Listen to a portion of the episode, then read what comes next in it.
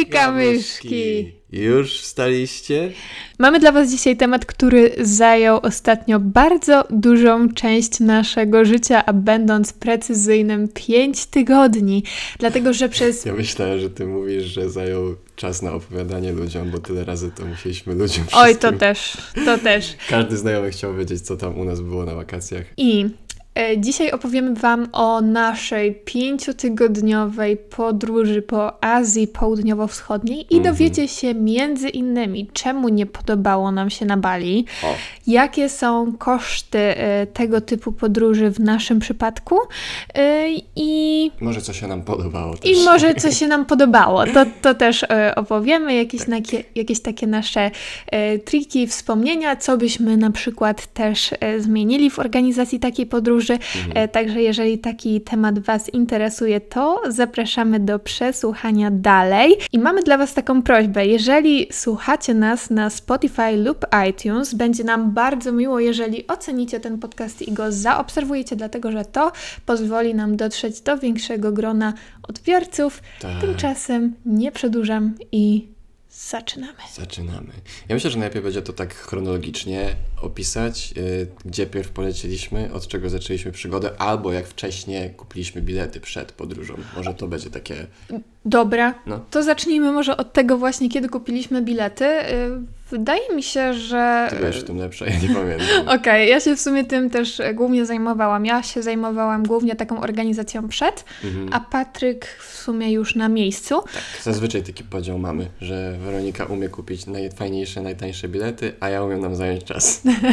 tak, dokładnie. E, Także e, bilety kupiliśmy dwa miesiące przed Mhm. i żeby tutaj precyzyjniej powiedzieć, nie wiedzieliśmy dokąd chcemy lecieć. To znaczy, wiedzieliśmy, że mniej więcej, żeby było ciepło i może, żeby to była Azja, to były nasze dwie wytyczne, ale generalnie raczej byliśmy otwarci na kierunki i szukaliśmy po prostu, co będzie najtańsze i gdzie nam będzie najłatwiej, najlepiej, najszybciej, najtaniej dolecieć. E, No i wyszło nam, że najlepiej z Warszawy będzie nam w tym terminie, który nam pasował, czyli przełom września i października, e, polecieć, słuchajcie, do Singapuru. I to Tak. był nasz pierwszy przystanek. I to jest fajne od czego, bo ja na przykład nie wiedziałem, jak zacząć taką wielką podróż, bo wiedzieliśmy, że chcemy tak ze 3, 4, 5 krajów zwiedzić i Weronika wpadła na brilliant idea, żeby po prostu zobaczyć, co jest jako pierwsze najtańsze, żeby tam polecieć i stąd się wziął właśnie Singapur e, i możesz kontynuować. Nie, ty, Nie. nie, ty będziesz kontynuował e, Okej. i teraz ja zadam pytanie, co O. Ci się podobało w Singapurze?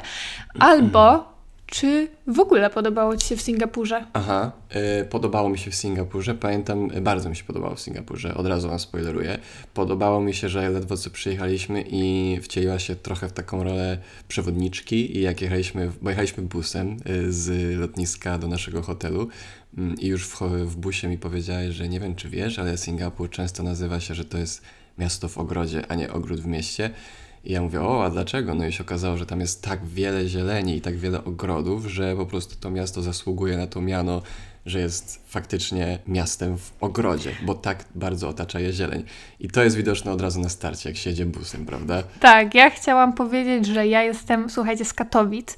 Katowice, nie wiem czy wiecie, ale jak jest na przykład, nie wiem, Poznań, miasto doznań, to jest Katowice, miasto ogrodów. Tak mają w logo generalnie. I What? tak. Wiem, że ludzie jakby o tym nie wiedzą, bo jak się przyjeżdża do Katowic, to absolutnie się tego nie widzi, ale żebyście wiedzieli, w Singapurze naprawdę to jest jakby Mhm. ogrody, nie tak jak w Katowicach, także żebyście Mhm. się Katowicami nie zrazili. Jezu, strasznie mnie zaskoczyłaś. Absolutnie to nie No, pasuje do to, to, Katowic. to taki żarcik, że Singapur to trochę jednak lepiej wypada na tym tle. E, ale ja chciałam powiedzieć, że jeżeli na przykład szukacie takiego państwa w Azji, które nie będzie ogromnym szokiem kulturowym, to myślę, że Singapur będzie super pomysłem właśnie na e, pierwszy przystanek podróży, Mhm. dlatego że to jest takie, taka idealna mieszanka Europy i Azji, takiego świata zachodniego ze wschodnim. E, W ogóle bardzo dużo mieszkańców Singapuru to e, są imigranci z różnych krajów i to się też tam bardzo czuje. W ogóle w Singapurze się. jest niesamowicie bezpiecznie, bo też czasami czasami pytacie się o bezpieczeństwo podczas takiej podróży. Generalnie chyba podczas całej podróży czuliśmy się bardzo bezpiecznie, ale Singapur jest jednym z miejsc, e, dwóch na świecie. Pierwszym był Dubaj, drugim właśnie jest Singapur, w którym nie bałabym się iść sama o 2.30 w nocy po mieście. Mhm. I zgadzam się też z Weroniką. To miejsce, znaczy przede wszystkim tam każdy mam wrażenie, że czuje się mile widziany. Ja tam czuję się, bo, przede- też fajnie warto dodać, myślę, że tam jest angielski jako język urzędowy. Urzędowy, tak. I tam i starsze osoby, i oczywiście młodsze potrafią y, tym językiem dobrze operować, więc wszędzie się da dogadać po tym angielsku i naprawdę znajdziesz tam prawie każdą możliwą, wiesz, y, mieszankę osoby, jaką możesz sobie wyobrazić. To prawda.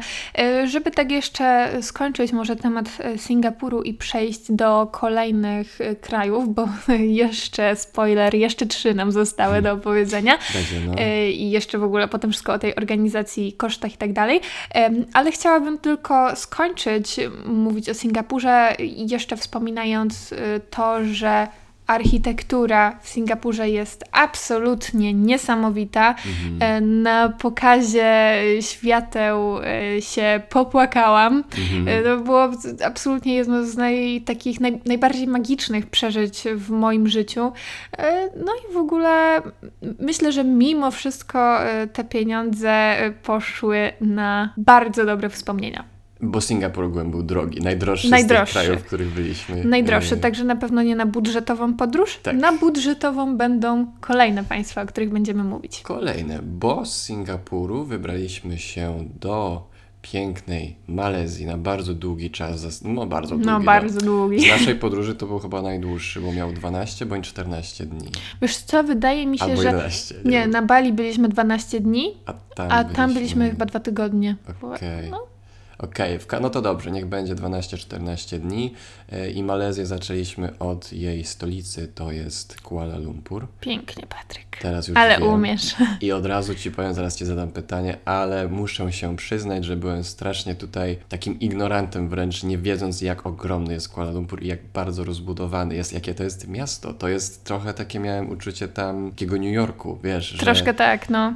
Wie, ja prze, prze, przede wszystkim myślałem, że Kuala Lumpur będzie nieco mniejsze od Warszawy, jeśli chodzi o zabudowania i tak dalej. a Chyba to- nic nie wiedziałeś jakby Nic nie zupełnie, gdzie, gdzie lecisz. Ym, więc jak zobaczyłem, wiesz, jadąc już samolotem z, z jadąc samolotem, jadąc taksówką z samolotu do naszego hotelu, jak zobaczyłem po jakich my ulicach się poruszamy, mówię wow, absolutnie nie wiedziałem, że to będzie tak wyglądać. Wieżowców, masa jeden na drugim. E, miasto, e, jak w całym centrum byliśmy, no to przechodnie, którzy po prostu po pasach chodzili i tak dalej, tworzyli taką chmurę ludzi, jak są czasem te takie filmiki z Tokio czy coś. Tak, to powiem wiesz. Ci miało takie swoje New York vibes. Mhm. Swoją drogą, no nawet e, w Kuala Lumpur jest takie miejsce, które oni nazywają Times Square. Tak? Tak, no nie? A, tak, tak, tak, tak, ja też to wiem, ja też to wiem. To powiedz mi Weronika, bo ty mi dałaś się wygadać w Singapurze, co cię najbardziej w Malezji urzekło. Mogę znać odpowiedź, bo nie wiem właśnie, czy rozgraniczać y, też y, poszczególne miejsca w Malezji, czy łącznie Malezję. Wiesz co, ja bym chciała jednak rozgraniczyć jedno miejsce, e, Okej. bo zasługuje na to absolutnie. E, To było Perhentian Islands. E, Jak Mhm. przyjechaliśmy do Malezji, nie wiedzieliśmy za bardzo, co będziemy robić. W ogóle też byliśmy tacy dość spontaniczni w tej podróży. Nie mieliśmy za bardzo planu, co będziemy robić na miejscu. Na bieżąco to robiliśmy. Dzień przed, dwa dni przed. Tak, dokładnie. Czasami nawet bilety samolotowe na niektóre, e, na niektóre przeloty Mhm. już bukowaliśmy na miejscu, ale dążę do tego, że było jedno miejsce, które będę wspominać do końca życia i było to Perhentian Islands. Mhm. I słuchajcie, jak poleciliśmy do Malezji, co ja w ogóle czytałam na jakimś takim blogu o Malezji, właśnie o tych wyspach, e, jako o takim mniej turystycznym e, miejscu, takim bardziej nieodkrytym. I mówię, o super byłoby tam e, pojechać, ale też jak już przyjechaliśmy na miejsce, to zaczęliśmy pytać lokalnych ludzi, e, gdzie, gdzie się wybrać, na jaką wyspę i tak dalej. I w zasadzie często nam polecali takie najbardziej niepodróżnicze, turystyczne. Turystyczne, tak. Turystyczne. E, o to mi chodziło. Mhm. Wydaje mi się, że oni myśleli, że my jakby chcemy to usłyszeć, Tak, co ja- oni nam powiedzą. Ja rozumiem to, że to polecali, bo to faktycznie było typowo turystyczne miejsce, gdzie większość turystów ma to, co chce, a my jednak chcieliśmy bardziej tą taką wiesz, jeszcze nieprzebytą przez ludzi trasę, te takie... Yy, Nieodkryte szlaki. Nieokry... Tak, tak, tak. No. I słuchajcie, przyle przyjechaliśmy, przepraszam, bo warto nadmienić, jak wyglądała podróż w tamto miejsce, bo to było bardzo ciekawe. Mm. Słuchajcie, o północy mieliśmy z dworca autobusowego w Kuala Lumpur, w stolicy Malezji, autobus nocny, ośmiogodzinny, na jakieś totalne zadupie w Malezji, na którym już nikt zadupie. nie jeździ. Tak. Słuchajcie, wioska jakaś taka rybacka, e, Kuala Besut swoją drogą, prawda? O, nie pamiętałem, ale tak, Kuala Besut. Kuala Besut. Przyjechaliśmy tam i byłam w ogóle pod wrażeniem, jak działają autokary w Malezji. Słuchajcie, to był najwyższy poziom i mówię to tak całkowicie na poważnie, dlatego że bez fotele, przytyku. bez przytyku, fotele się rozkładały do pozycji leżącej, było bardzo dużo miejsca, ja przespałam całą tą przejażdżkę, kosztowało to jakieś 50 zł na osobę. To, że przespać akurat żaden ty wszędzie potrafisz zasnąć. Ja mm. przespałem, to jest Okej, okay, ty, ty przespałeś, ty masz 1,90 m i wyspałeś się Oj, w autokarze, tak, więc to jest to, to że ja też miałem, ja miałem miejsce na nogi, co się często nie zdarza w samolotach, w busach w Polsce i tak dalej. Tam to miejsce było absolutnie rozkładane, wszystko pićko dostaliśmy. Tak, soczek na wejściu. E, no i potem już przeszliśmy przez te wszystkie porty i wsiedliśmy w łódkę, która nas zabrała na wyspę Perentian. Islands. I w ogóle warto nadmienić, że łódka tylko z jednego miejsca w Malezji odpływa i to była lokalna łódka, w której kupowało się faktycznie jakiś tam ticket. To są totalnie lokalsi, czyli ludzie, którzy, ja mam wrażenie, że oni całe życie faktycznie tam pływają tymi łódkami. To tak. byli tacy ludzie w naszym wieku, którzy tym sterowali. A nawet młodzi. Ja miałam wrażenie, że no. niektórzy tam po 17 lat mają i jeżdżą tam i z powrotem. Nie? Prawda. Cała podróż łódką trwała bodajże 40 minut, coś takiego i, i do, dowiozła, bo tak chyba nie ma, dopłynęła, e, dowiozła nas do portu, który w zasadzie był jednym z nielicznych portów na wyspie, które można nazwać portami, w takim sensie, że większość łódek y, dopływała tam tylko do brzegów morza, do brzegów plaży i wychodziło się, wysiadało się z niej w wodzie po kolana. E, my mieliśmy też szczęście, że faktycznie nas zostawił y, przy takim molo i nie byliśmy mokrzy wychodząc. E, tak. No tak. I co? I dotarliśmy do takiego super miejsca. Ale to możecie zobaczyć w wyróżnionych relacjach na Instagramie. Nie będziemy już tak wnikać w A, szczegóły. Rozumiem, że pomijamy, że trafiliśmy na kijowy hotel i zmieniliśmy go. Tutaj odsyłamy na Instagrama okay. mojego do relacji wyróżnionej. Okay. Tam jest wszystko zapisane. E, ale właśnie chciałabym jeszcze tak opowiedzieć troszeczkę o tej, o, o tej wyspie, dlatego że to było absolutnie niesamowite przeżycie z tego względu, że na tej wyspie, w zasadzie to są dwie wyspy, ale byliśmy na jednej, więc mówię o jednej. Na tej wyspie nie ma ani jednej drogi, mm-hmm. ani jednego samochodu, po prostu zero. A nawet motoru. A nawet motoru. Tam, jeżeli chcecie gdzieś iść, to albo musicie iść przez dżunglę. My mieliśmy jedną taką sytuację i e, uwierzcie mi, nie było ciekawie, albo trzeba po prostu się umówić z tym panem 17-letnim e, na słowo, że on nas gdzieś dopłynie tą łódeczką tak. a potem y, z pustej plaży za trzy godziny nas odbierze. Także trzeba mu wierzyć na słowo, że on faktycznie potem po nas przypłynie. No i każdy w zasadzie tam miał podobne, ale inne ceny negocjowali, jeśli chodzi o przepłynięcie, bo zawsze to nie było tak, że jedna cena, że na przykład 10 zł za przepłynięcie, tylko ktoś ci mówił 8, ktoś ci mówił 15, a ktoś nie chciał zejść z 20. I jak ktoś nam dawał na przykład 20, to mówiliśmy, no to elo, to idziemy szukać dalej. Bo tam jest tyle łódek, że możesz sobie wybrać, nie, że okej, okay, ty masz drogo, idę dalej. E, zdarzało się i tak. Wyspa marzenie, jeśli chodzi o takie od, odludzie, takie od, od, odpoczynek mentalny i w ogóle pięknie tam się czytało, pięknie się odpoczywało.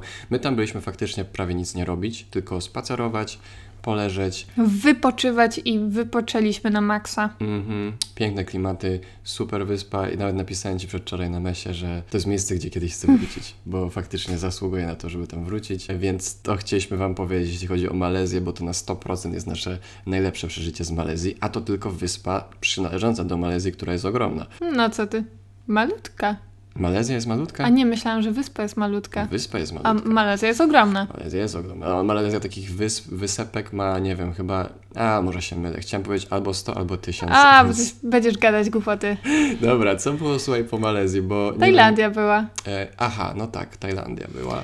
Słuchajcie, byliśmy w Tajlandii przez tydzień. To był mój drugi raz w Tajlandii, a Patryka pierwszy. Mhm. I w zasadzie Tajlandia już była w takim momencie, bo to był już... Yy już skończył się trzeci tydzień i zaczynał się czwarty tydzień naszej e, podróży, prawda? Mhm. O ile się nie Zaczynał mylę. się trzeci czwarty, no przełom trzeciego, czwartego. Tak, to było wtedy. Y, Więc to był taki moment, w którym po bardzo intensywnej mimo wszystko Malezji, bo my się tam co chwilę przemieszczaliśmy na dość duże odległości, przylecieliśmy do Tajlandii w zasadzie, żeby troszeczkę po takiej gonitwie y, odpocząć. Przed chwilą mówiłam, że odpoczywaliśmy na Perentian, ale y, jakby chodziło o to, że w Malezji się dużo przemieszczaliśmy, a potem w Tajlandii chcieliśmy być y, troszeczkę bardziej statyczni. Mhm. Odwiedziliśmy Chiang Mai oraz Bangkok. W Bangkoku spędziliśmy moją rodzinę, było cudownie. Patryk Och, się super. postarał. Postarałem. No, Tyle. bardzo się postarał. Tak. To też historia na, na inny czas, ale Chiang Mai w Tajlandii chodziliśmy na dwa masaże dziennie i to są generalnie nasze przeżycia z Tajlandii. Tak, i teraz, o, żeby to nie wyglądało tak, że o mój Boże, no i po co się chwaliła? Nie, my chodziliśmy na dwa masaże dziennie, bo one kosztowały dwie dychy za jeden masaż. I to było tak... I, i ten masaż był jeszcze dodatkowo z... Jak to się nazywa? Steam... E, no, herba... E, Sauna. sauna ziołowa i tak dalej. Tam były tak tanie ceny i te wszystkie soki, najświeższe, jakie możesz sobie wyobrazić za 2 złote. E, ja tam czułem się po prostu pięknie i nie chciałem stamtąd tak szybko wyjeżdżać, bo w Chiang Mai spędziliśmy chyba tylko 3 noce. Tak. No, ale no, słuchajcie, mieliśmy już kupione bilety, bo y, mieliśmy cały czas szkielet podróży, tak? Czyli kupione hotele i bilety prawie wszędzie, więc my wymyślaliśmy, co robimy w tym czasie, będąc już na miejscu, ale nie mogliśmy za bardzo zmieniać em, ilości dni, jakie poświęcamy na coś, bo by się nam po prostu plan lotów rozpieprzył. Więc po Tak. Chiang Mai E, Nie, ja chciałam jeszcze powiedzieć o Tajlandii, dlatego że mieliśmy jeden problem z Tajlandią, który polegał e, na tym, że pojechaliśmy z Chiang Mai zwiedzać jakieś tam świątynie. A propos tego, że chcieliśmy troszeczkę odpocząć i być statyczni, to pojechaliśmy zwiedzać świątynie, dlatego że właśnie w pobliżu Chiang Mai były bardzo piękne, bardzo znane e, świątynie. Jedna to była White Temple, druga e, bodajże Blue Temple. I e, na tej wycieczce mieliśmy kilka problemów, o których myślę, że warto opowiedzieć, e, żeby gdzieś tam tych błędów potem nie popełniać. Em, o jakich błędach mówisz, bo nie... nie... Znaczy, błędem według mnie była ta wycieczka. Aha. y, No, ona trwała cały dzień, już sam transport był nieco niebezpieczny. Jazda samochodem w większości z tych krajów była dosyć hardkorowa, e, ale chodziło mi w zasadzie o to, że po pierwsze, jeżeli chodzi o same te świątynie, bo zastanawialiśmy się o co chodzi, bo same świątynie były absolutnie przepiękne, a Mhm. pomimo tego nie mieliśmy fanu zwiedzając je. Mhm. I to nie była wina tych świątyń, tylko jak się zaczęliśmy zastanawiać, o co w ogóle nam chodzi i czemu będąc w takim pięknym miejscu nie czujemy tego i tak trudno jest w zasadzie nie tyle co to docenić, ale tak poczuć, to doszliśmy do wniosku, że dość dużym problemem są ludzie. I nie chodzi o to, że tych ludzi jest dużo, dlatego że zdajemy sobie sprawę, że my jesteśmy w tym miejscu dokładnie z tego samego powodu, co ci ludzie, czyli Mhm. chcemy po prostu zobaczyć e, dane miejsce. I nie ma w tym nic złego, że oni tam są. Tylko problem polega na tym, znaczy problem w zasadzie zaczyna się wtedy, e, kiedy nie słucha się tego, co do powiedzenia mają osoby natywne w danym miejscu, czyli w tamtym przypadku Tajowie. Dlatego, że jeżeli zwiedza się na przykład świątynię, to trzeba się zachowywać w pewien określony sposób. Mhm. I miałam wrażenie, że 80% ludzi, które tam było, miało problem z bardzo prostymi zasadami, które w takich miejscach panują, jak na przykład nie robienie jakichś głupich pust do zdjęcia, nie przeszkadzanie modlącym się ludziom, nie Albo robienie, nie robienie zdjęć nie robienie z- wewnątrz świątyni, co też było w niektórych napisane i mówione.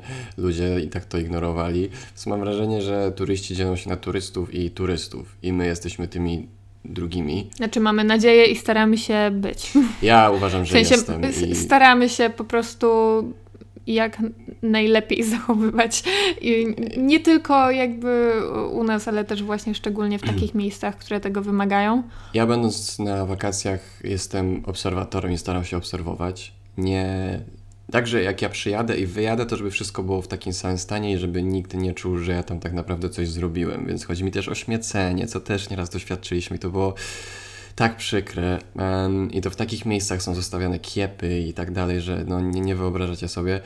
Mm, świątynie faktycznie były piękne, ale widzieliśmy ich w tak krótkim czasie tak wiele, że potem e, cierpisz na coś takiego, że ciężko cię zaskoczyć tak naprawdę. Tak, to jest prawda. Bo one są naprawdę, jestem, wiesz, jak teraz patrzę na przykład na te relacje, kiedy już odpocząłem i patrzę na nasze zdjęcia, mówię, wow, ile tam jest detali, nie? Mhm. Ale wtedy jak byłem, no to no, obejrzałem, obszedłem, okej, no to już 12 dzisiaj świątynia, dobra, to idę dalej. To prawda. Wydaje mi się, że to jest też temat, który warto poruszyć, że podczas, nawet nie zawsze podczas takiej długiej podróży, ale często jest tak, że podczas podróży pewne miejsca, które jakbyś zobaczył bez żadnego kontekstu, totalnie by cię zachwyciły, Mhm. to jak już widzisz kolejne takie miejsce w ciągu dnia, ciężko jest je docenić. Dlatego uważam, że warto sobie mimo wszystko podróże Miarkować. Tak, tak, daw, dawkować Mhm. i, i też sensacje podczas podróży. Tak, no i właśnie to była wycieczka, która miała te trzy najbardziej sławne świątynie w ciągu jednego dnia, więc jak my się w, dosłownie wlekliśmy od jednej do drugiej, żeby spędzić w niej em, ile tam mieliśmy po 15 minut i kolejna, i kolejna, i kolejna, no to nie czułem z tego fanu. Ja bym chyba wolał przede wszystkim być w tych świątyniach nie w południe, nie w czasie największego słońca i nie w czasie największej liczby ludzi. Em, No ale oczywiście, tak jak Weronika mówiła, my byliśmy jednymi z tych ludzi, więc nie mogę mieć nikomu nic za złe, to są tylko moje tam pitolenie po fakcie. Tak, możemy mieć za złe to, jak część się zachowywała, czyli na przykład robiła zdjęcia modlącym się mnichom.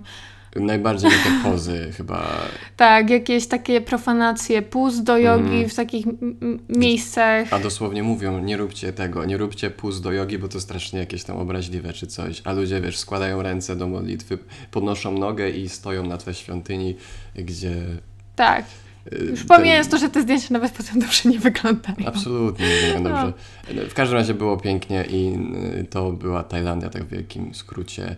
Em, to, był, to było Chiang Mai, Bangkok, w ogóle nic nie powiedzieliśmy o Bangkoku. Bo tam były moje urodziny i się bawiliśmy przewspaniale. Przewspaniale. Też, no, masaże, y, fajnie, troszkę, no. Tak, chciałabym też zaznaczyć, że jeżeli mówimy o jakimś negatywnym aspekcie, to jest to coś, co nie zajmowało naszej głowy długo. Mhm. Ym, I chcę to nadmienić, bo wiadomo, że dłużej będziemy się rozgadywać, jeśli była jakaś taka sytuacja, która nam się nie spodobała, ale żebyście cały czas pamiętali, że ogólnie to było super i że to są wakacje to, życia, To tak. były wakacje życia, y, totalnie warte. Także żebyście pamiętali, że nie nagrywamy tego podcastu, żeby ponarzekać, tylko żeby wam powiedzieć, na co e, też podczas takiej podróży uważać. Chodzi nam po prostu o to, żeby wasza podróż była jeszcze piękniejsza niż nasza, bo nasza i tak, mimo tych e, rzeczy, o których mówimy, była przepiękna. Możemy przejść do właśnie A czegoś, na co będziemy narzekać. A propos pięknych rzeczy, nasz ostatni podpunkt podróży, wyczekiwane długo i pamiętam, jak byliśmy jeszcze na Perhentian Islands, że mówiłem, jeju, jak chociaż w połowie Bali będzie tak piękne jak to, to ja będę przeszczęśliwy. No i wylądowaliśmy. No i okazało się, że nie jest piękne w połowie jak Perentiana. Nie jest nawet w jednej czwartej tak piękne. I teraz dlaczego? Wiele czynników. Przede wszystkim coś, co myślę, że jest głównym moim problemem, to to, że jeżeli zapytasz jakąkolwiek osobę na świecie, co jest najbardziej rajską wyspą, gdzie można się udać na wakacje, to każdy powie jednym dźwięcznym, e, jed- jednym dźwięcznym słowem Bali. Myślałem, że to ze mną powiesz jeszcze raz. Bali. Bali. I problem jest taki, że to się zgadzało, jak ktoś ci mówił tę odpowiedź 20 lat temu, bo zauważcie, że z tego słownika nie wypadło to słowo. Dalej, jak mówisz rajska wyspa, to mówisz Bali. I problem jest taki, że to Bali rajskie już dawno nie jest, bo wszyscy tam przyjeżdżają poczuć te właśnie cisze i, i niezabudowane miejsca, nie, nie, niezeksplorowane, a to jest normalne miasto ze skrzyżowaniami, z korkami i ze wszystkim innym, ze spalinami, z motorami. Tak, i chyba to był taki jeden z problemów. Em, I jeżeli na przykład ktoś z Was był na Bali, bo prawdopodobnie jest tutaj kilka takich słuchaczy i słuchaczek, jakby totalnie szanujemy, y, że komuś się to miejsce mogło spodobać, bo sama znam osoby, które Bali są zachwycone, także totalnie spoko. My mówimy o tym, co już po tej całej naszej podróży nam nie podpasowało i właśnie Idąc dalej, co mi się na Bali nie podobało, to to, że miałam wrażenie, że na każdym kroku ktoś chciał nas oszukać, na hmm. każdym kroku ktoś chciał nas naciągnąć, i to się nie wydarzyło przez pierwsze cztery tygodnie naszej podróży w żadnym innym kraju. Prawda. Zauważ, że w ani jednym miejscu znaczy wiadomo, że to się może stać wszędzie. To się może stać, wiesz, w Polsce, nie? Na rogu gdzieś tam, albo nawet na środku ulicy. Ale y, na Bali takich sytuacji mieliśmy po prostu bardzo dużo.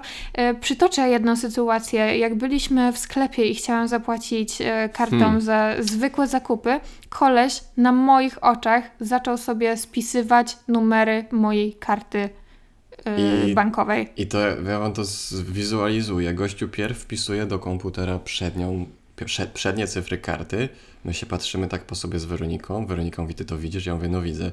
Gościu odwraca kartę w drugą stronę i spisuje numer CVC do komputera. Tak, a potem dopiero ją e, dał do terminala. I nie jakby, bo wiem, że tutaj mogą być różne głosy i pytania się pojawić.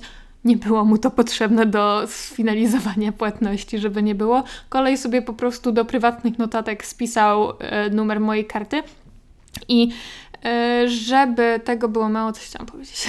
Żeby tego było mało, wyszłaś ze sklepu i kartę zablokowałaś. No, kartę zablokowałam od razu, także jakby nic się nie stało. E, mhm. Ale czemu w ogóle doszło do takiej sytuacji? Za granicą często jest tak, że sprzedawca bierze kartę i ją wkłada do terminala i to jakby nie jest nic e, dziwnego. Znaczy dla mnie to jest coś dziwnego, ale tak jest bardzo często za granicą, także akurat jakby to nie wzbudziło jakichś tam podejrzeń. Dopiero jak koleś sobie zaczął numer karty spisywać, mhm. to się zorientowaliśmy, że no, coś tutaj jest nie tak. Mm. Poza tym, um, no nie wiem, jakieś takie panie biegające za nami, mówiące nam prosto w oczy kłamstwo, że jak u nich nie kupimy czegoś, to nie wejdziemy do świątyni, bo mm. nas mhm. nie wpuszczą i tak dalej, co mm. jakby jest Wciskanie. zupełnie, zupełnie o, o, ogromnym kitem. I ja wiem, że my... Y my bardzo wyglądamy jak turyści, więc ja się nie dziwię, że to nas biorą na celownik, tylko jak któryś raz z rzędu się to dzieje, to faktycznie jest to, zabiera ci to sens troszeczkę wakacji i odpoczynku, bo łazi ktoś za tobą cały czas i wiesz, że jesteś na celowniku tego, że, że tobie można coś sprzedać. Mm, jedną z rzeczy, która nam się może nie podobała w Bali, a na Bali, e, ale na to nie miał nikt wpływu była pogoda, bo wiele dni spędziliśmy niestety y, w deszczu, czego się nie, troszeczkę nie spodziewaliśmy. Byliśmy w Ubud, czyli w miejscu, w które ma, to jest chyba najwyższy, najbardziej na środku Bali jest Ubud i tam tak, tam najczęściej jest, jest, najwięcej tych dni deszczowych. Najwięcej dni deszczowych i niestety nie trafiliśmy. Tak, ale żebyście też wiedzieli, to była akurat no, no nasza wina. Nasza wina no bo, bo, też przyjechaliśmy w takim e, momencie. Z drugiej strony mimo wszystko staraliśmy się nie zwracać uwagi na to, że ten deszcz jest i tak y, zwiedzaliśmy no te miejsca i tak dalej Jasne. i staraliśmy się jakby mrużyć na to oko, e, ale z drugiej strony jakby tego deszczu nie było, to byłoby jeszcze więcej ludzi nieszanujących kultury. Także jeżeli o to chodzi, to myślę, że i tak źle, i tak niedobrze, bo każda ta pora ma swoje plusy i minusy, także już mhm. musicie wybrać, co wolicie, ale czego wolicie nie. Ale faktycznie po czwartym dniu y, tej pory deszczowej dostaliśmy radę, żeby przenieść się na bardzo niedaleko od oddaloną y, wyspę, która nazywała się Nusa, Nusa Penida. Penida. I na Nusie Penidzie faktycznie szalał całkiem inny klimat, bo zaczęliśmy mieć słońce, to wyczekiwane słońce. I co ciekawe, z plaży na Nusie widzieliśmy Bali i faktycznie nad Bali krążyły wiecznie chmury, a na Nusie mieliśmy słońce i wiesz, taki rajski klimacik. I tam czułem się nieco lepiej niż na Bali. Jakby czułem troszkę, na pewno było tam powiedzmy mniej tych motorów, bo na Bali był taki problem, że tam jest masa, masa, masa motorów i praktycznie zero przejść dla pieszych. I ci ludzie którzy są tamtejsi, oni potrafią jakby bez cienia y, lęku wejść na tą ulicę i, i, przejść jakoś pomiędzy tymi motorami. My absolutnie nie jesteśmy tak wychowani i ja się bałem wchodzić, więc my czekaliśmy dosłownie, aż będzie pusta droga, żeby przejść, co zajmowało nam czasem po kilka minut. Nie chciałem ryzykować, nie umiem, nie umiem w te sprawy. Tak, poza tym tam jest bardzo dużo też turystów, którzy na tych skuterach, bo to są skutery, matko, nie motory. No, widzieliśmy. po prostu jest strasznie dużo e, turystów, którzy mhm. mam wrażenie, wrażenie, że biorą te skutery tylko po to, żeby się popisać. O, zgasła. Lampka zgasła, no nic. Tylko po to, żeby się y, popisać na Instastory, że oni jeżdżą mhm. skuterem, a tak naprawdę to jest według mnie tak okropnie nieodpowiedzialne, bo tam faktycznie wygląda to tak, że jakby zazwyczaj jak się komuś da odpowiednią ilość pieniędzy, to można łatwo ten skuter wypożyczyć, nie posiadając uprawnień. No, no ale jakim kosztem? No, można zabić nie tylko siebie, ale też wszystkich dookoła, więc mm, też uważajcie na to. Dlatego tak staraliśmy się e, uważać mimo wszystko na tych drogach, bo chodników tam też nie było. E, dlatego też było to dosyć niebezpieczne. Ale e, jeszcze jedna rzecz, którą chciałam właśnie nadmienić, jeżeli chodzi o te wszechobecne skutery, to zanieczyszczenie powietrza.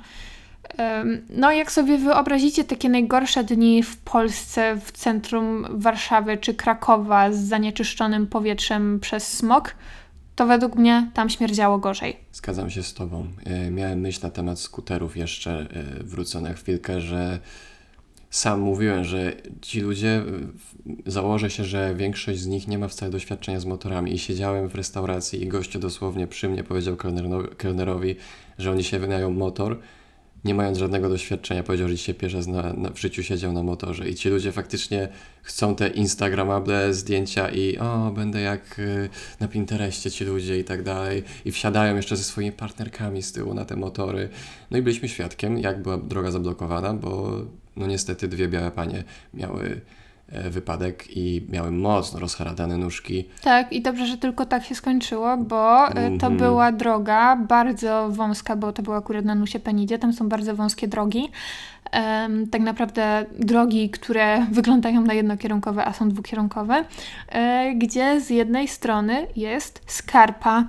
I tak panie jest. miały o tyle szczęście, że miały tylko poharatane nogi i nie nie zrzuciło ich metr dalej, bo prawdopodobnie nie wróciłyby z mhm. tych wakacji. To tyle z motoru. Jeśli chodzi o spaliny, zgadzam się z Weroniką. Jest to takie, wiesz, tym bardziej, że ci mówią, że och, na tym Bali, tym bardziej w Ubud mm, jest to, jak to się mówi, Mekka. Mekka joginów. joginów y, medytacji. I, tak, twój umysł tam odpocznie, ty tam przyjeżdżasz i, i wdychasz powietrze i czujesz większe spaliny niż wiesz w Warszawie czy gdziekolwiek indziej i absolutnie nie widzę tam, nie widziałem, wiem, że jest, bo szukałem, ale nie ma tam takiego spokoju, o jakim się słyszy, że ja myślałem, że ja tam będę mocno medytował. I ja nie razu tego nie zrobiłem, bo no nie widziałem tam dla siebie takiego miejsca, a jak już się wybrałem na plażę najbliższą, to ta plaża była mocno zanieczyszczona. Były oczywiście, że kiepy, były oczywiście, że butelki i żeby znaleźć, nawet jak Cię zabrałem na ten przysłowiowy piknik, to musieliśmy pochodzić po tej plaży długo, żeby tak. znaleźć kwadrat, w którym nie ma śmieci. A Weronika też ma taki...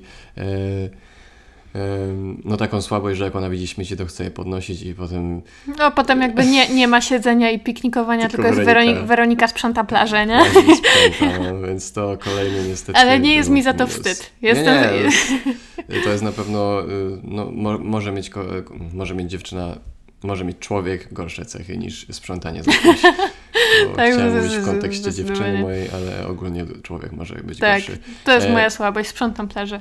No, to jest twoja słabość. I co jeszcze o Bali? Czy coś ja, jeszcze? Tak, ja chciałam powiedzieć o Nusie Penidzie. No i w zasadzie pewnie o Bali też wygląda to tam dokładnie tak samo. E, jak widzicie sobie te wszystkie piękne instagramowe miejsca, a przynajmniej myślę, że tak 80% z nich, bo nie chcę mówić, że no. wszystkie i aż tak bardzo tego, wiecie, degradować, ale chodzi mi o to, że często jak widzicie, nie wiem, jakiś wodospad na Instagramie, znaczy zdjęcie wodospadu albo jakiś piękny klif, nie wiem, jakąś plażę taką z góry, to jakby to są naprawdę bardzo piękne miejsca, ale weźcie pod uwagę to, że nie widzicie, jak to wygląda dookoła, dlatego że te miejsca, które widzicie na Instagramie, one naprawdę jakby istnieją i one są mhm. przepiękne. Mm-hmm. Tylko na Nusie, na Nusie Penidzie wydaje mi się, że szczególnie to widziałam, e, dlatego że zaraz obok tego miejsca, które widzicie, które, którego zdjęcie widzicie, jest parking na 500 samochodów, mhm. na 30 autokarów i jest tam grupa dookoła kilku, ty, no nie wiem, może nie tysięcy naraz, ale przynajmniej kilkuset osób, która mhm. jest ustawiona w kolejce do zdjęcia właśnie w tym jednym miejscu, które będzie idealnie wykadrowane tak, tak że tego wszystkiego dookoła widać nie będzie. I to było okropne doznanie w ogóle. Ja tak. przede wszystkim my jechaliśmy na tarajskie plaże tak po chyba godzinę samochodem. Totalny był upał. Nie narzekam, uwielbiam upały, ale totalny był upał i zaduk. Dojeżdżasz, a tam jest spot, do którego jest kolejka, żeby fotę zrobić i No ja tam nic nie czułem, jakby to, ja widziałem to miejsce, ale widziałem też te 500 ludzi wokół mnie, ludzi czekających na mój spot do e, obserwowania tego miejsca. I masz dwie sekundy na zobaczenie tego miejsca, zrobienie zdjęcia i musisz iść dalej, bo za tobą czeka, Mhm. czeka wiesz, cała wycieczka. No po prostu odbiera to jakikolwiek fan ze zwiedzania tego miejsca Mhm. i potem jak oglądasz tego Instagrama i widzisz te wszystkie miejsca na tych zdjęciach, to już No, jakby to piękno jest, ale ciężko je wiesz, poczuć. Wiesz, z czym to się wiązało, nie? I again, no my byliśmy jednymi z tych osób, które robiły ten tłok, tak? Ale no ja na przykład drugi raz bym już nie wybrał się na taką wycieczkę do rajskich wysep, te, nie wiem, Diamond Beach i tak dalej. No bo po prostu nie warto stracić chyba 3 godziny, żeby zobaczyć miejsce i idealnie sobie wykadrować piękny widok. Wolałbym coś, co mi poleci chyba ktoś, kto, nie wiem, urodził się na nusie i powiedział mi, wiesz co, to miejsce może jest troszkę gorsze widokowo, ale nikogo tam nie będzie. Ja bym tam poszedł i siedział godzinę. Tak, bardzo chętnie. Także, no żeby znowu nie było, my nie mamy pretensji o to, że tam byli ludzie, bo byliśmy jednymi z nich, tylko o to, znaczy pretensji nie mamy ogólnie, nie? Bo jakby do kogo mamy miejsce, tylko chodzi po prostu o to, żeby Wam przekazać, e, czego możecie się spodziewać podczas takiej podróży, Mhm. co nas zaskoczyło. Tak, i y, myślę, że mam dwie rzeczy, co chcę powiedzieć. Jedna z nich to, jeżeli miałbym dawać komuś radę, komu marzy się Bali, to bym wpisał, to będzie taka moja mocna opinia, ale bym wpisał wyspy podobne do Bali i po prostu wybrałbym wyspę, która nie jest tak oblegana od tylu lat przez y, turystów z całego świata, żeby po prostu zwiększyć te doznania i nie stracić pieniędzy, bo ja wierzę, że jak ktoś pojedzie na te Bali, to się będzie tam dobrze bawił. Mm, ale y, też trzeba brać pod uwagę, że to był nasz ostatni przystanek. My już byliśmy wypoczęci i my no jakby byliśmy też bardziej już nastawieni, tak powiedzmy. No ja, ja byłem bardzo podjarany Bali całym, wiesz. tak, ja był- czekałam na rajskość i tej rajskości tam nie było, bo jak już trzeba tej rajskości faktycznie szukać, Mhm. to może znaczy, że to nie do końca jest takie rajskie miejsce, nie? Ale może, żeby nie było, że na Bali nam się tylko nie podobało, to zakończymy to piękną historią. A, bo z tej Coś- historii powstały tatuaże dwa. Tak, no już zaspoilerowałaś koniec mojej historii, A. ale mamy nowe tatuaże, które są naszymi pierwszymi matching tatuażami. Troszeczkę się różnią od siebie. Nie powiemy jeszcze, co przedstawiają. E, opowiemy szybko historię. Mm, było na Bali, no w hotelu, w którym byliśmy, pan nam polecił, żeby pójść sobie na snorkeling. Y, I tam też się wybraliśmy. Na miejscu się okazało, że na łódkę wchodzi łącznie 30 osób, więc troszkę więcej niż myślałem, że będzie. Było 30 turystów, plus chyba piątka osób, które no, umiały pływać, wiedziały gdzie płynąć i tak dalej. Snorkeling składał się z czterech miejsc. No, my byliśmy bardzo też podjarani, każdy dostał kapok na starcie, jeśli chciał. E, I Ja chciałam na przykład. No, Weronika Ja się boję chce. fal okropnie. Tak, no i właśnie. A były fale. I właśnie, tu już się zaczyna problem, bo dzień nie był zbyt przychylny na snorkeling, tym bardziej, że usłyszałem, że jest około 20-30% szans, że zobaczymy na tym, bo te, ten snorkeling był o tyle atrakcyjny, że mówiło się, że możesz zobaczyć właśnie płaszki ogromne. Ale Czyli ma manty. manty. manty. O, tak mówią, będą- manta. Tak, manty. Mhm. E, No, to się, no to się zapytałem e, Weroniczki, czy to jest ok, żebym ją zostawił i poszedł sobie te płaszki poszukać i tak dalej, poobserwować. Ona mówi, że tak, tak, idź. No to mówię, dobra. Okaz- Ale ja jeszcze powiedziałam, weź sobie kapok. No oczywiście, Weronika matka e, od razu mi powiedziała, że mam kapok. Ja mówię, no przestań, nie będę w kapoku, mam płetwy, to gdzieś mi się coś stało, no gdzie? No i dobra, z całej grupy było chyba sześciu bądź siedmiu śmiałków, którzy weszli do tej wody, bo reszta... No, resztę brzygała i płakała. E, Wiele osób na łódce wymiotowało faktycznie, tak myślę, że z 5-6. Em, reszta nie weszła, bo faktycznie te fale mogły kogoś przerazić, Mnie na przykład. na przykład ciebie, ale warto dodać, że na łódce te fale wydają się o wiele większe i bujanie jest w ogóle niesamowite, a kiedy już do tej wody wejdziesz, to nagle się wszystko uspokaja i tak też było w moim przypadku. Mm, Wskoczyłem do wody w tych płetwach, mając pierwszy raz w życiu płetwy na nodze, co nie było jakieś mega odpowiedzialne z mojej strony, ale wiedziałem, że w razie czego mogę je zdjąć i pływać umiem dość dobrze. Mm, No więc szybko przystosowałem do płetw. Problemem większym, na co ty też zwróciłaś uwagę, było to, że do rurki mi wlatywała woda, bo były takie fale i cały czas mi wpadała słona woda do rurki, przez którą oddychałem, ale też po czasie to ogarnąłem. I jejku, no jak dopłynąłem do miejsca z płaszczkami się zanurzyłem i, i zobaczyłem, że dosłownie pode mną, pod moim brzuchem, kilka centymetrów ode mnie przepływają płaszczki które ma, są dłuższe ode mnie, a ja jestem długi ogólnie. Patryk dwa metry, no. Naprawdę to było, nie spodziewałem się, że aż tak dla mnie ym, piękne przeżycie to będzie, ale czułem taką, wiesz, jakąś symbiozę z tymi zwierzakami i z tym, że ja tylko je obserwuję, bo ja zawsze jest taki, jestem taki, że nie chcę nikogo dotykać ani nic nie przeszkadzać. Też nam powiedzieli przewodnicy, że jeśli one będą na Ciebie płynąć, to po prostu się odsuń albo nie ruszaj, w każdym razie nie dotyka ich. No i tak też robiłem, jak płynęły pode mną, to po prostu dryfowałem. E, mam kilka nagrań, gdzieś tam to też wyróżniłem na Insta, więc możecie sobie to zobaczyć. Mm, no i po całym przeżyciu to te, te, te nurkowanie z płaszczkami to było jakieś 15-20 minut, e, po czym nas zaczęło to wołać, że niestety trzeba wracać.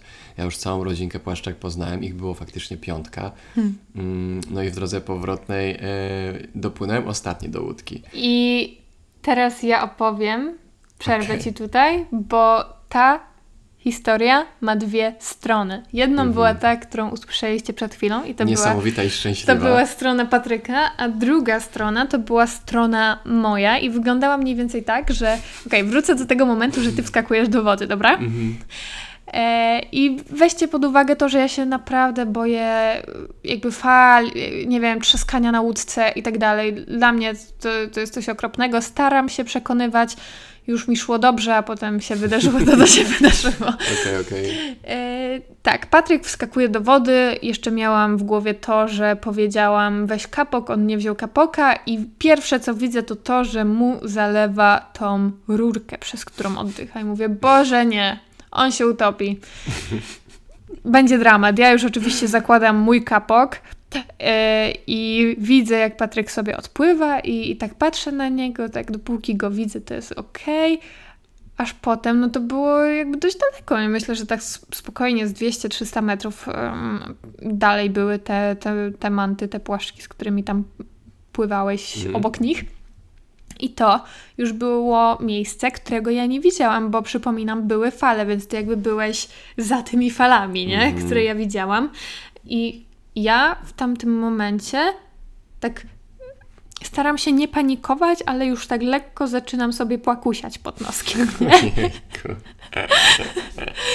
No, no i tak w głowie mam tak uspokój się Weronika, on umie pływać, ma rurkę, tak dalej. Nie, ja w ogóle nie wiedziałam, że tam przewodnik płynie z wami. Myślałam, że wy gdzieś tam no, wiesz. No, gdzie no, no właśnie, ja nie wiem, co ja myślałam. No ale tak myślałam. No. Także wyobraź sobie, co ja w ogóle tam czułam. I ja już widzę, że ta rurka jest zalewana przez wodę, że Patryk się oddala, że ja już go nie widzę, że on już jest za falą, więc ta fala na pewno go przykryła i on już na pewno jest pod tą wodą.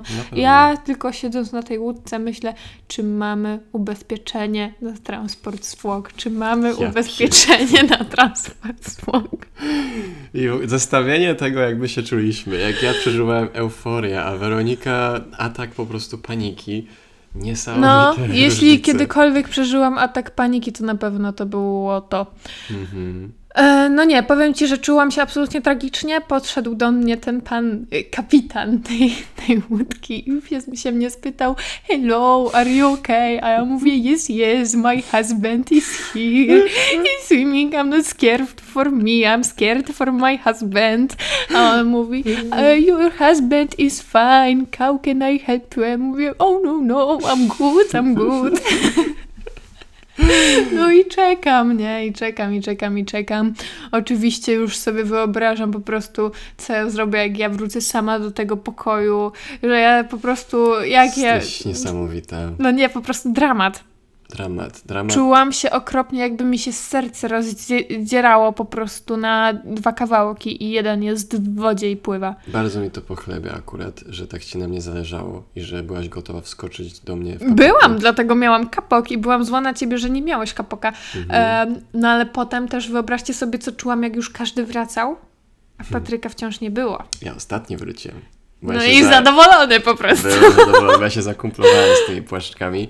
No i jak wracałem, to też wracałem z głową pod wodą, bo jak masz płetwy, no to lepiej trzymać głowę pod wodą i po prostu y, płynąć z tą falą.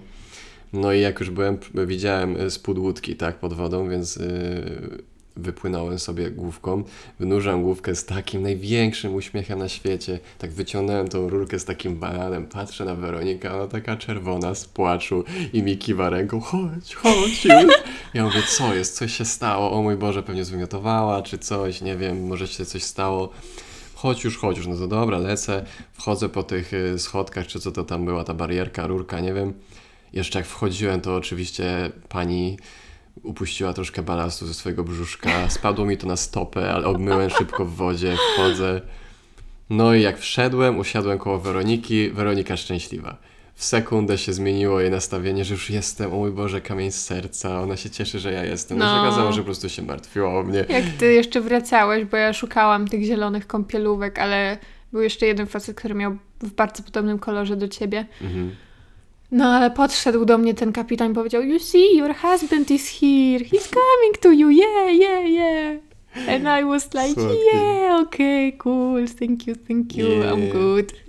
No i co, no ja byłem, kurde, taki byłem e, szczęśliwy, że, że się udało te płaszczki zobaczyć. Były kilka innych spotów do nurkowania, gdzie dwa kolejne obydwoje spasowaliśmy. Ja głównie przez to, że byłem zmęczony, Weronika przez to, że była szczęśliwa, że jeszcze wróciłem, Że żyjesz i że w ogóle. żyję. E, No i przy ostatnim e, spocie, na którym, przy którym była Rafa Ko- Koralowa, mówię Weroniczce, że no kurczę, to jest ostatnia szansa, żebyśmy coś z tego wyciągnęli razem. Chodź, zobaczysz, bo ciebie cały czas łapała choroba morska i mówiłem ci, starałem się ciebie przekonać, że w wodzie nie będziesz czuła tego bujania i że zobaczysz, że będzie ci lepiej. No to Weroniczka już taka w tym kubraczku mówi, dobra, no to wejdę z tobą.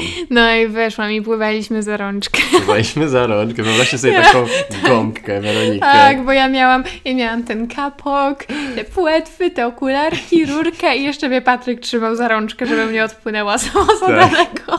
I po prostu ją prowadziłem do najfajniejszych miejsc z Rafą Koralową. No z i było cudownie, w ogóle- Pięknie. Zobaczenie rafy koralowej to było mm, jedno z moich top marzeń. I Ja- zobaczyłam. Nigdy nie spodziewałem się, że Rafa Koralowa, za każdym razem mam problem z powiedzeniem tego, będzie aż, takie, aż takim przeżyciem, że tam nie ma nawet miejsca na dnie na piasek, tylko całość jest wyściułana dywanem raf koralowych i różnych koralowców i tak dalej i milionami ryb. Piękne to było. Super przeżycie. No, z Weroniczką za rączkę mamy jedno zdjęcie, tylko właśnie wygląda jakbym trzymał gąbkę jakąś i to właśnie była ona. No i po powrocie, mimo wszystko, byliśmy obydwoje szczęśliwi. Mm, Weronika była szczęśliwa, że się odważyła, ja, że... zobaczyłem- żyjesz. No ja byłem z wielu rzeczy zadowolony wtedy. E, I na tyle się nam to podobało, że powiedziałem, wiesz co Weronika, ja se chyba chciałbym wytatuować płaszczkę. Ja mówię, ej, ja w sumie też, tylko chyba z innych powodów. No i jak już wróciliśmy do Polski, to płaszczka, y, płaszczki, w zasadzie manty. Bo jakby ja tego używam, my tego używamy naprzemiennie, ale żeby nas nikt potem nie poprawiał, to jakby manty, płaszczki. y, No to są już na naszych ramionkach. A po czasie dowiedziałem się, że te płaszczki mają żądła. I całe szczęście, że nie wiedziałem tego wcześniej, Mają jad w ogonie. mają jad w ogonie i jest nawet, y, był dość znany y, podróżnik jakiś, który pływał z tymi płaszczkami i go ukąsiła i on umarł. I ja tego nie wiedziałem, a one pływały mi pod brzuchem i jak teraz o tym pomyślę, to ja bym w życiu nie wszedł do tej wody z nimi. No właśnie, ja to wi- wiedziałam, ale ci nie powiedziałam właśnie z tego powodu, żeby się nie bał. E, dlatego, że manty właśnie tym się różnią też od płaszczek, że z tego co wiem są przyjaźniejsze dla człowieka. Super. No one mi się kojarzyły z takim, wiesz, y, naj, najłagodniejszym dinozaurem, jakiego mogłeś spotkać, nie? One też takie, no, wyglądały tak bardzo łagodnie. No więc to na tym się by kończył nasz Temat podróży się tu kończy. temat podróży. E, Ja jeszcze powiedziałam e, o, o tym, że będziemy mówić o kosztach takiej podróży. Ja takie podsumowanie zrobiłam u siebie na Instastory, ale też, e, żeby tutaj nie clickbaitować, myślę, że możemy o tym jeszcze Mhm. tak na koniec pokrótce opowiedzieć, bo to jest temat, który Was e, bardzo ciekawi, a my żadnych tutaj tajemnic e, nie mamy, bo też chyba warto znać takie rzeczy od innych ludzi, zanim się No zaplanuje pewnie. swoją podróż, bo to może dużo ułatwić. To może pierw szczepienia w ogóle. Szczepienia, dobrze. Tylko ja mam. Moje szczepienia ci mogę powiedzieć, ile kosztowały, ale moje były droższe troszkę. Poczekaj chwilkę, proszę. Moje szczepienia wyszły chyba 1200 zł, z tego względu, że też miałem ym, Nie wyszły tyle. Moje wyszły 1250, a ja miałam mniej. A, to moje musiały być 1500 w takim razie. No. Mhm. Tak, weźcie pod uwagę, że jak lecicie w tego typu miejsca, to warto się dowiedzieć, jakie szczepienia obowiązują na miejscu. Tam nie było żadnych obowiązkowych, ale były zalecane, a z racji, y, że my chcemy troszeczkę y, o siebie dbać, a nawet nie troszeczkę, a bardzo, to zależało nam na tym, żeby te szczepionki sobie wykonać. Poza tym one są już potem e, na lata, tak na Mhm. dobrą sprawę. E, no i zdrowie jest czymś, na czym nie powinno się z naszej perspektywy oszczędzać. Także Patryka szczepienia kosztowały 1500, a moje 1250 zł. Co jest według mnie wow, bo absolutnie się nie spodziewałem. Myślałem, że szczepienia wyjdą, wiesz, takie max 300-500 zł. Tak, nie? też A tak myślałam. Wow, tu wścieklizna, kilka dawek wścieklizny, nie? Ale wścieklizna jest na przykład już teraz chyba na całe życie, z tego co pamiętam. Tak, tak, tak. W ogóle wścieklizna jest taką szczepionką, którą warto mieć i chyba najbardziej byliśmy z niej zadowoleni, dlatego Mhm. że em, na miejscu tam było bardzo dużo małp i te Mhm. małpy potrafią być agresywne. Jak cię taka małpa ugryzie, to trzeba jeździć na, na wkłucia, na, na zastrzyki potem. Mhm. Jest to dosyć problematyczne, a jeżeli tego się nie zrobi i się wścieklizna rozwinie, e, no to jest to choroba śmiertelna. I to 100%. raczej właśnie całkowicie śmiertelna, dlatego ta szczepionka była takim naszym dość dużym zabezpieczeniem i też uspokojeniem, bo w razie czego, jak ta małpa ugryzie, to i tak trzeba jechać na zastrzyk, ale nie trzeba tych zastrzyków mieć tam x, tylko wystarczy jeden. Mhm. Więc to już jest zdecydowanie łatwiejsze do ogarnięcia. A, no i pamiętajcie, żeby właśnie y, pójść do lekarza medycyny podróży, bo on się tego typu rzeczami zajmuje. Tak, Następnie- oni wam wszystko powiedzą, także don't worry, nie musicie też wszystkiego w internecie szukać. Tak, a nawet lepiej nie, po prostu idźcie Mhm. do lekarza. Następnie było ubezpieczenie, to było 539 zł na osobę na 5 tygodni. Co jest według mnie spoko, bo Spoko, tak. mieliśmy w pakiecie w zasadzie wszystko, co jest potrzebne, e, ubezpieczenia, no nawet nie pamiętam szczerze mówiąc co. No, nawet łącznie z bagażem to było takie full ubezpieczenie. Mhm. E, Dalej, na jedzenie około 2700 na osobie. Ciężko to stwierdzić, dlatego że płaciliśmy e, no mniej więcej na zmianę, dlatego Mhm. mówimy takie mocno kwoty uśrednione i takie trzeba dodać do tego słowo około, ale około 2700 zł na osobę na 5 tygodni, a jedliśmy codziennie każdy posiłek w restauracjach, także myślę, że całkiem spoko. Mhm. Tak, no bo my byliśmy w hotelach, więc też y, no nie używaliśmy kuchni po prostu. Taki był zamysł i tego się No. trzymaliśmy. Tak, y, też nie chcieliśmy gotować na miejscu, też niekoniecznie musiało to by wyjść y, taniej, szczerze mówiąc. Jeżeli chodzi o transport na miejscu, to było to około 500 zł na osobę. Samoloty około y, 7800, około 8000 zł, a tam tych lotów było naprawdę, naprawdę sporo, licząc przesi- przesiadki. Także to oczywiście jest dużo pieniędzy, ale biorąc pod uwagę to, ile tam na miejscu się przemieszczaliśmy pomiędzy tymi państwami i też czasami mieliśmy loty wewnętrzne, na przykład z Chiang Mai do Bangkoku, bo to są dość duże odległości, e, to myślę, że też e, spoko. Jeżeli chodzi o hotele, wydaliśmy około 4400 zł na osobę, przy czym weźcie pod uwagę, że e, po pierwsze spaliśmy w większości takich dość spoko hotelach. Niekoniecznie zawsze to były jakieś luksusowe miejsca, ale takie. No to nie były hostele, to były takie czasami apartamenty. E, Generalnie powiedziałabym o takim średnim, ok standardzie. Czasami sobie pozwoliliśmy na coś lepszego, ale czasami też oszczędzaliśmy, także bym to tak e, powiedzmy powiedziała, że uśredniając to na takim średnim, ok Mhm. poziomie, ale też z częścią hoteli udało nam się dogadać, także em, no, w niektórych miejscach e, spaliśmy dzięki współpracy z daną miejscówką, także też te kwoty mogą się różnić. Co było w ogóle super, Tak, to było cudowne. w wiesz, drugim końcu świata jest ktoś, kto jest w stanie ci coś zapewnić za, za to, co robisz. To było super. Tak, były takie dosyć duże wyróżnienie. Możecie zobaczyć na Instagramie zresztą, jakie to były miejsca. To były naprawdę bardzo fajne hotele. Mhm. E, Także za to jesteśmy e, bardzo, bardzo wdzięczni. Mhm. I z kosztów zostało coś jeszcze? Tak, e, rzeczy typu jakaś rozrywka, masaże, e, wiza na Bali, bo tylko na Bali była wiza, w, Mhm. w reszcie miejsc obowiązywał ruch bezwizowy. To było około 1400 zł na osobę na te 5 tygodni. E, ano, szczerze mówiąc, nie oszczędzaliśmy yy, i tutaj już podsumowując te wszystkie koszta, to było około 18 tysięcy złotych na osobę na 5 tygodni. Co robi wrażenie na mnie, bo znaczy to miały być nasze wakacje życia i tam nie oszczędzaliśmy. Mimo wszystko, jak słyszę tę kwotę, to scaloną ze wszystkim, bo to trwało, wiesz, kilka miesięcy wydawanie tego, tak? Kupowanie mm -hmm. biletów osobno, gdzie już na biletach się zdziwiłem, że do Singapuru chyba samego kosztowało 4 coś ten bilet, tak?